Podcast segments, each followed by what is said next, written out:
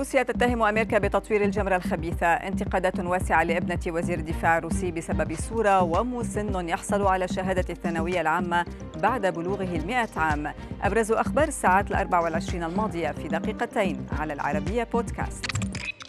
في آخر تطورات العملية العسكرية الروسية في أوكرانيا أعلنت وزارة الدفاع الروسية اكتشافها أدلة تثبت تورط أمريكا في تطوير أسلحة بيولوجية في أوكرانيا.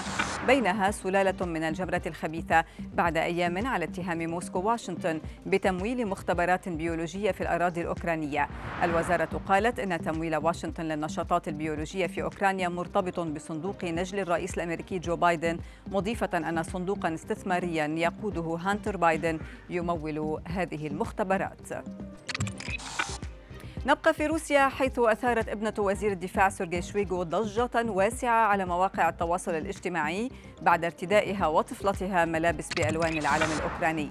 موجة من الانتقادات الواسعة من مستخدمي ال social media انهالت عليها وعلى والدها بسبب الصورة. وتساءل البعض لماذا لم تفعل ابنة كيسينيا شويغو مثل بقية النخب الروسية التي نشرت صورا على حساباتها لإظهار الدعم للعملية العسكرية في أوكرانيا. فيما أكدت صحيفة ديلي ميل البريطانية أن كيسينيا لم تظهر أي دعم علني لوالدها منذ بداية الحرب.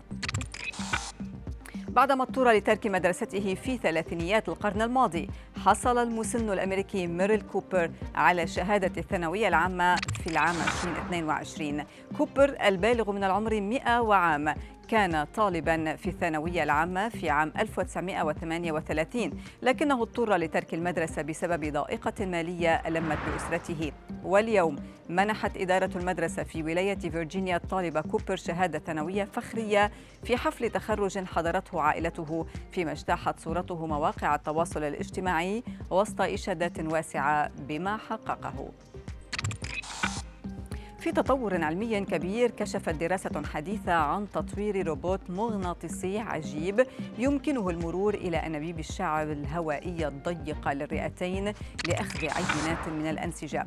الروبو الذي ابتكره خبراء في جامعة ليدز يتكون من مغناطيسيات خارجية ومجسات ويتم إدخاله ببطء في فم أو أنف المريض أثناء تخديره ثم التحكم في حركته بواسطة المغناطيسات الخارجية لأخذ عينات الأنسجة أو ضخ موضعي لعلاج للسرطان وبذلك يمكن أن يساعد في إنقاذ الأرواح بحسب ما نشرته ديلي البريطانية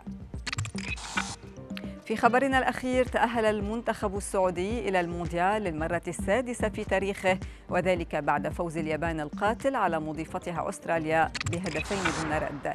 فوز اليابان على أستراليا في عقر دارها حسم تأهل المنتخب السعودي والمنتخب الياباني مباشرة إلى كأس العالم دون انتظار نتيجة مباراة الأخضر مع نظيره الصيني التي ستقام مساء اليوم والتي ستصبح صراعا من أجل الفوز لضمان استعادة صدارة ترتيب المجموعة من يد اليابانيين. ويعد المنتخب السعودي واحدا من بين أنجح المنتخبات العربية قاريا أو عالميا على مدار التاريخ.